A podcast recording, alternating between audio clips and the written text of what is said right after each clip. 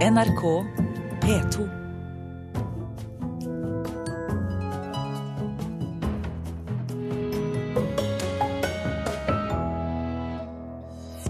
Kystkulturen nærmest glemt i neste års grunnlovsjubileum gjør feiringen lite troverdig, mener forfatter Roy Jacobsen. Saftige gloser og banning gjør at vi føler oss bra, ifølge forsker. I dag er det nordisk banneseminar i Oslo.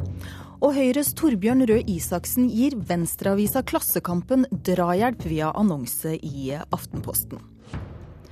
Du hører på Kulturnytt i dag med Elisabeth Tøtte Hansen i studio. Først til grunnlovsjubileet til neste år, som eh, blir lite troverdig når kystkulturen nesten er glemt. Det mener forfatter Roy Jacobsen. Også forbundet Kysten er bekymret, og prosjektleder Tore Friis Olsen frykter at en drøm vil krasjlande i havnebassenget i Oslo. Her på Akershuskaia ser vi jo de gamle verneverdige båtene, som Børesund f.eks., som er over 100 år gammel. Det er mange frivillige, med Forbundet Kysten i spissen, som planlegger sin bit av grunnlovsjubileet neste år. Et tokt langs hele kysten med det tidligere hurtigruteskipet Ragnvald Jarl, nå med navnet Sjøkurs, blir kanskje ikke noe av. Toktet koster nesten sju millioner kroner, og finansieringen er langt fra i orden, sier prosjektleder Tore Friis Olsen. Vi står i fare for avlyse, ja. Nå har vi jobbet med dette i uh, halvannet år. Uh, men uh, det er altså ikke vilje på Stortinget, eller departementet i hvert fall, til å bevilge nok penger slik at vi kan gjennomføre det på Oslo havn blant gamle båter som Børøysund og Christian Radich, en moderne plattform som fisker opp gamle, råtne påler og erstatter dem med nye, er Tore Friis Olsen bekymret for at kystkulturen er så usynlig. Det er jo såpass, altså, det er en essensiell del av vår historie. Fiskerihistorien, sjøfartshistorien, kystkulturen. Men vi ser jo at den stadig vekk, til tross for eh, fagre ord og fine taler, så blir den underkommunisert. Det er den er ikke en del av den fortellingen om nasjonen Norge. Og det er det vi hadde håpet på, å løfte dette frem i grunnlovsåret. Men så ser vi da at når det kommer til skjæringa, så strander det på midler og, og vilje til å følge opp det arbeidet som vi gjør. Forfatteren Roy Jacobsen går enda lenger. I sin siste roman De usynlige har han skrevet om havet og kystens folk. Han synes grunnlovsjubileet er uten troverdighet når kystkulturen får så liten plass. Det som er og blir et mysterium, er at vi ikke har en større bevissthet rundt det faktum at det er faktisk havet vi har levd av, og ikke jorda i dette landet. Hvis man skulle lage en slags sånn sannferdig oppsummering av uh, kulturen her i landet, og også det, det, som har bidratt til den økonomiske velstandsutviklinga, så er det jo naturlig å ha med fiskeribefolkningen. For det er derfra overskuddet kommer. Det er presidentskapet i Stortinget som er øverste ansvarlig for grunnlovsjubileet i 2014. Vi kan ikke gi penger til dette ene prosjektet, selv om det er et av de få som setter kystkulturen i sentrum. Det sier stortingspresident Olemic Thommessen. Eh, Stortinget har eh, invitert eh, hele Norge til å være med i en stor dugnad om et jubileum. Ehm, og med et slikt utgangspunkt så er det også sånn at hvert enkelt prosjekt må finne sin egen finansiering. Stortingspresidenten syns imidlertid at Roy Jacobsens ord om manglende troverdighet i jubileumsåret blir litt harde. Jeg tror jo grunnlovsjubileet kommer til å ha en god troverdighet. Det er et veldig sterkt program som uh, ligger der nå. Men uh, så kan jeg jo være enig med Jacobsen i at det er viktig med kystkulturen. Norge er en uh, kystnasjon som, som alltid må ha med seg det perspektivet. Det er jeg enig i. Ja, Det sa stortingspresident Olemic Thommessen til reporter Tone Staude. Og du kan lese mer om dette på nrk.no kultur.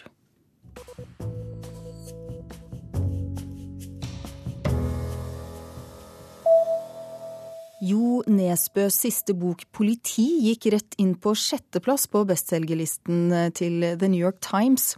Det er Nesbøs beste listeplassering i USA hittil, skriver VG. Krimforfatteren har solgt rundt 20 millioner bøker på verdensbasis, og ifølge Dagens Næringsliv betyr det at verdien på boksalget nærmer seg 1,5 milliarder kroner. Kulturinteressen i Europa synker. Det viser en undersøkelse utført for EU-kommisjonen. Nedgangen gjelder både det å oppsøke kulturopplevelser og det å delta i kulturelle aktiviteter. Sverige er det eneste landet i EU der kulturinteressen går opp.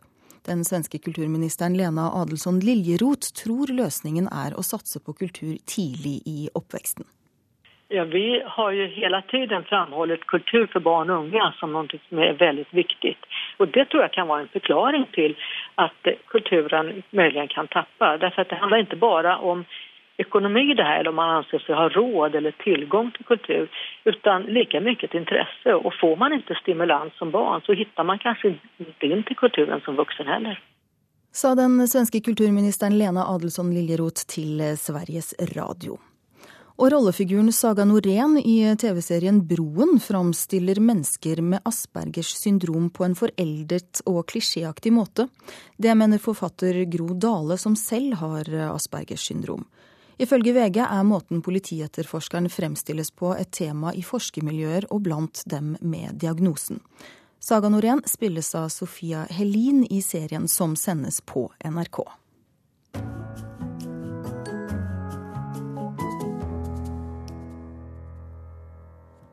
Til tider renner det noen kanskje ikke alltid like velvalgte gloser ut av noen og enhver av oss. Vi snakker om banning. Banner du noen gang? Ja. Og når jeg er frustrert, først og fremst, og, og sint. Og ikke på jobb. Det skal du ikke se bort ifra. Ligger vel litt i kulturarven vår, tror jeg. Banner du noen gang? Nei. Aldri. Nei, jeg liker ikke det. Hvorfor ikke? Jeg syns det er unødvendig. Jeg kan si heller si søren eller noe sånt. Banner du? Eh, ja, det gjør jeg. Når? Uh, hele tiden, nesten, holdt jeg på å si. uh, jeg har ikke noe spesiell tid. Hva sier du? Uh, jeg sier eh, faen, helvete, er vel det jeg bruker mest.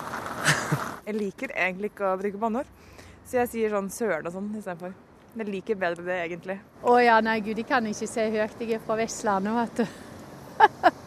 nei da, da er det sånn faen i helvete, altså. Hva syns du om baning? Ja, egentlig så er jeg negativ til det. Har lært opp til å ikke gjøre det. Hadde en far som bare bante til kyden. men, men, liksom å banne veldig mye, da tror jeg budskapet forsvinner. Men jeg har ikke noe sånn moralsk forhold til det. Det var reporter eh, Maria Piles Svåsson som hadde gjort vår lille banneundersøkelse. For banning det er noe de fleste av oss tyr til i ny og ne. Og Nordisk nettverk for banning det består av forskere fra nesten hele Norden, og har de siste to årene forsket på banning i forskjellige fora. Ruth Vatvedt Fjell forsker ved Universitetet i Oslo og medlem av Nordisk nettverk for banning. I dag skal dere ha symposium om banning i de nordiske landene. Og hva er nytt på banneforskningsfronten? Mm, da kan jeg si at det er i og for seg nytt alt sammen. For det er gjort veldig lite forskning på banning her i Norden, og kanskje også andre steder. Hvorfor, Så, hvorfor trenger vi forskning på, på banninga? Jo, det er veldig nyttig å ha kjennskap til et eh, språkstabuer. Eh, så ikke vi bryter de tabuene når, når, det ikke passer seg. Og det er også et veldig viktig kulturhistorisk eh, materiale, egentlig, å forske fram og finne hva har vært de forestillingene som har vært tabu opp gjennom årene. Så vi vet litt mer om oss sjøl. Men først og fremst er det jo viktig nå som vi reiser så mye og verden er blitt global, at vi kjenner både våre egne tabuer og vi kjenner andre lands tabuer, sånn at vi ikke dummer oss ut i viktige situasjoner. Tråkker i salaten? Rett og slett. Det er ikke bra. Men du, hvorfor banner vi egentlig? Jeg tror vi banner fordi det føles godt. Det er en slags uh, psykologisk utladning. Vi gjør noe som vi på en måte vet er forbudt. Det er jo det som ligger i tabu, men vi gjør det likevel. Og da føler vi liksom at vi, vi, vi, har en slags kraft, vi har en slags makt over situasjonen rundt oss. Mens det jo egentlig er det omvendte. Man sier jo at uh, banning, det er avmaktens språk. Du har ikke noe annet du kan, men du kan i hvert fall banne. Om ikke du kan eh, gjøre noe med ting som har skjedd. En nydelig glassbolle som er knust, eller at du slår deg på tommelen, eller at noen har gjort deg et forferdelig vondt pek. Så kan du i hvert fall banne, om ikke du kan gjøre noe annet. Eller noen har ilagt deg en forferdelig bot. Det, det, kommer vel noen gloser da, vil jeg det tro? Det kommer noen gloser da, vet du. men, men eh, vår bruk av banneord, hva sier det om oss? Ja, det sier litt om hvem vi vil være. Jeg sammenligner bruk av språk generelt, og særlig banning, med klær. Hvordan vi kler oss. Vi kler oss etter visse normer. Og så syns vi det er kjempegøy å bryte de normene en gang imellom. Ta en dusk med knall rødt oppi håret, f.eks. Da sier vi noe med det. Og sånn gjør vi når vi sier banningene våre. Og hvis vi bare bruker de aksepterte og bare sier uff, som er en vanlig injeksjon, som ikke er banning i det hele tatt, så er vi veldig disiplinerte, og det vil vi vise. Vi, men altså alle banner, mer eller mindre. Men er det på en måte sosiale forskjeller i, i ja. banneordene man bruker? Helt klart. Du, du, du markerer nok ofte sosial tilhørighet med måten å banne på. Å si filleren er noe helt annet enn å si faen i helvete. Hups. Hups, ja. Hva med forskjellen på hvordan vi banner ulike steder i, i landet, da? Er, er, hvordan er den? Ja, jeg sier ofte at det henger sammen med kristninga av landet. fordi at banning er jo ofte å bryte kristne tabuer. Og den begynte sørfra og jobba seg nordover, og det tok jo lang tid før hele Nord-Norge var kristne. Og det, av og til så kan vi jo lure på om, om de er blitt det en dag i dag. For de bruker, tyr nok lettere til banneord. Men de lever jo også et mye tøffere liv, og har kanskje ofte situasjoner hvor de er redde, og hvor de føler seg avmektige, vil jeg tro. Når naturen slår til her, så kan man jo bli forskrekka. Men nå i dag så skal dere altså ha et symposium om banning i, i alle de nordiske landene. og er det forskjell på, på hvordan vi banner i de, de ulike landene? Ja, det er det. For det første så banner man nok mest i Danmark og litt mindre i Sverige og enda mindre i Norge, hvis man skal sammenligne de tre skandinaviske språka som er så like. Så bruker jo danskene dette sku. Så Gud, så hjelp oss Gud, eller hva det er, en slags sånn sammentrukket form. Den har de jo i så mange setninger at de sjøl nok ikke tenker over at det er et gammelt, gammelt tabubrudd. Svenskene har noe jeg syns er veldig rart, nemlig at de bruker mye tall. Tallmagi. Altså Pertusan og Fyrsjutton og sånt, og det bruker vi lite i norsk. I norsk så har vi en tradisjon på det kristendomsbanninga. Det er nok veldig mye av det. Og det skal vi få vite mer om eh, i dag, når dere skal ha symposiumet deres i, ja, i Nordisk nettverk for banning. Takk skal du ha, Ruth Vatvedt Fjell, forsker ved Universitetet i Oslo, og altså medlem av Nordisk nettverk for banning. Klokken er kvart over åtte. Du hører på Kulturnytt i P2s Nyhetsmorgen, hvor de viktigste sakene nå er at det var to menn i 50-årene og en kvinne på 19 år som ble drept på Valdresekspressen i går. En mann i 30-årene fra Sør-Sudan er siktet for drapene.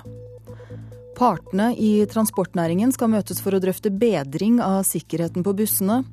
Og energisparing med varmepumpe kan gi boligeiere skattefradrag. Miljøvernminister Tine Sundtoft vurderer skattefradrag for enøktiltak. Crowdfunding, eller folkefinansiering, har blitt mye brukt de siste årene for å samle inn penger til store prosjekter som filmen Pornopung og Johan Harstads bok om Motosyko. Nå lanseres en ny crowdfunding-plattform på nett kalt Patrion. Og her kan publikum gi sine favorittartister en fast sum hver gang de publiserer nytt materiale. Hello, this is Cuckoo, and I love making music. I love to share it online, and this is what it sounds like. But I'm. Dette er presentasjonsvideoen til artisten Cuckoo, som egentlig er en høy og beskjegga mann ved navn Andreas Paleologos. Paleologos er frilanskunstner og driver med animasjon, illustrasjon og musikk. Videoen har han lagt ut på den nye crowdfunding-plattformen Patrion. Jeg hørte om Patrion tidligere i år, og når jeg fikk greie på hva det var, så tenkte jeg shit, om det blir stort en dag, så er det noe som alle artister som ikke tenker fett plateselskap, burde vurdere. For i motsetning til andre crowdfunding-tjenester, hvor artister og kunstnere samler inn penger til et stort prosjekt, som en plate eller en film, fungerer Patrion på en helt annen måte. Fordi det går ut på at du knytter fans eller følgere til deg som artist. Og så folk som er interessert i å støtte deg, kan velge å per automatikk gi deg en liten sum hver gang de gir ut noe. Du kan velge hvor mye, kanskje en dollar eller ti dollar. Det er liksom alt ettersom hvor mye de har å gi eller vil gi. Audun Molde, musikkviter og førstelektor ved NIS og BI, synes ideen er spennende. Det er en veldig interessant idé, for det bygger jo på en kontinuitet da, hvor publikum vil følge artisten hele tiden. Det bygger også en tettere relasjon mellom artist og publikum. I sitt lille studio på Grünerløkka, som er fylt med alt fra instrumenter, kostymer, tekniske duppeditter og skiutstyr, er Paleologos svært spent på om hans nye presentasjonsvideo har lokka noen til å gi penger. Å, sju? Sju stykker patrons. Jeg hadde én fra før av. Så det er seks stykker som har nappa på dette her. Så nå i dag så får jeg altså 255 kroner hver gang jeg legger ut en ny video. Jeg har aldri fått betalt for noe jeg har lagt ut på YouTube. Jeg må ikke gi ut masse søppel. Jeg må skjerpe meg og lage fine ting. I disse dager er Paleologos i gang med ny plate. Han er usikker på om han vil satse på et tradisjonelt album, eller om han vil gi ut litt og litt på YouTube. En trend som blir mer og mer vanlig, ifølge musikkviter Molde. Eh, og det kommer jo av at man får mye mer buzz på sosiale medier, som igjen genererer mye mer aktivitet på streamingtjenestene. Det gjelder å stadig være aktuell og stadig være i søkelyset. Sånn sett så fungerer jo denne Patrion-ideen akkurat ut fra den samme logikken. Dermed ser det altså ut som om Paleologos kan få mer oppmerksomhet og bedre økonomi gjennom Patrion. Men Espen Andersen, førsteamanuensis ved Handelshøyskolen BI, tror det kan bli vanskelig for små artister som Kuku å tjene de store summene.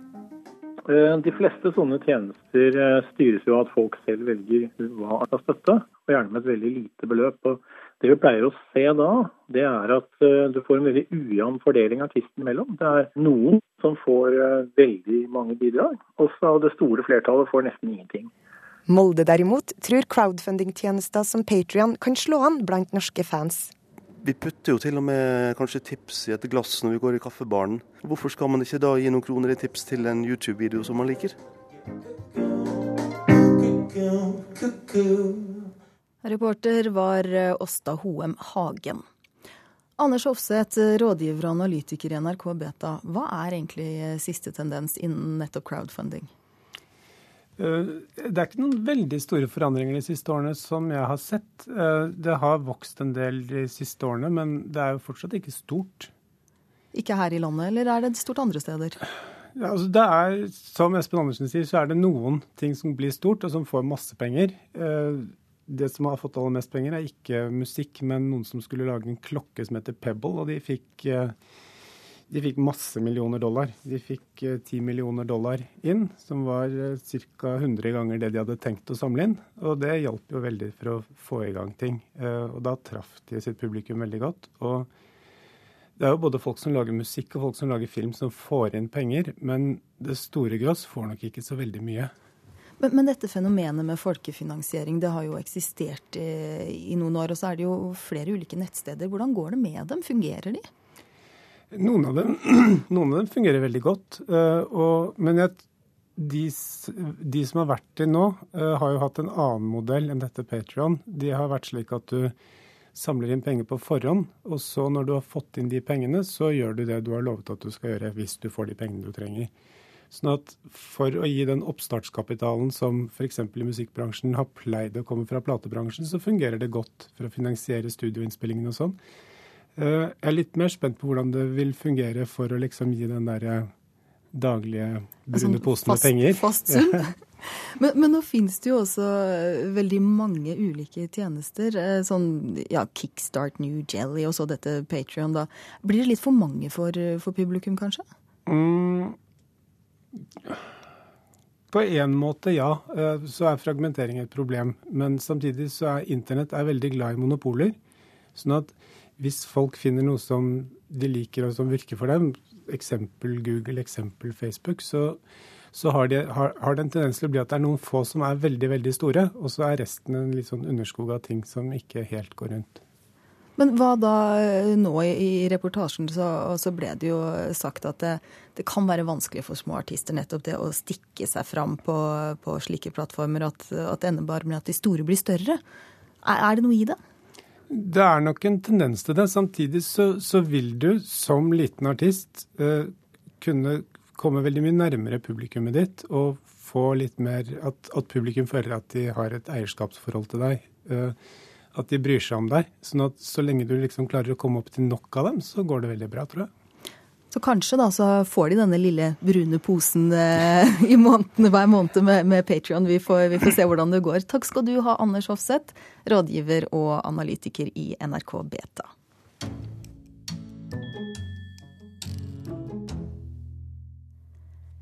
Kunnskapsminister Torbjørn Røe Isaksen gir avisen Klassekampen drahjelp via en annonse i eh, Aftenposten.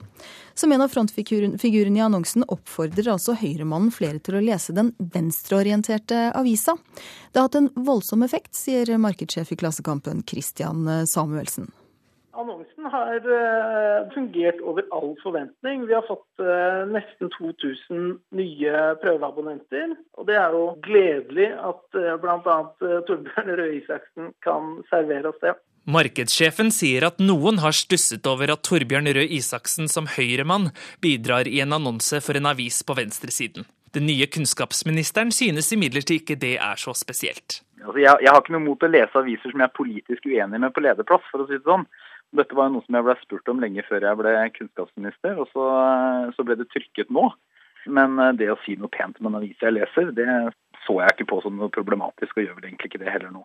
Redaktøren i Klassekampen har tidligere gått hardt ut mot den nye regjeringen og mot at de vil kutte i pressestøtten.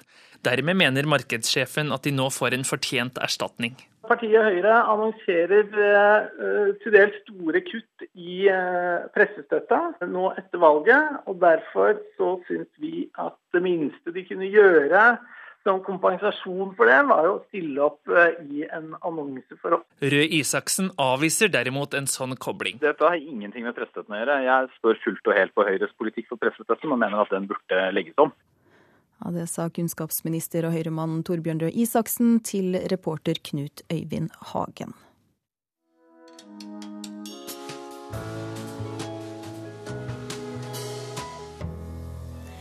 Kulturnytts morgensending er eh, snart slutt, og i dag har du hørt at banning kan være sunt for sjela, ifølge forsker Ruth Vatvedt Fjell. Og i dag er det nordisk banneseminar i eh, Oslo. Du har også hørt at forfatter Roy Jacobsen mener neste års grunnlovsjubileum blir lite troverdig, siden kystkulturen nærmest er glemt i feiringa. Og at en ny nettjeneste gjør at du nå kan støtte artister på samme måte som du gir tips til en servitør. Produsent Halvor Haugen, tekniker Hanne Lunås og programleder Elisabeth Tøtte Hansen.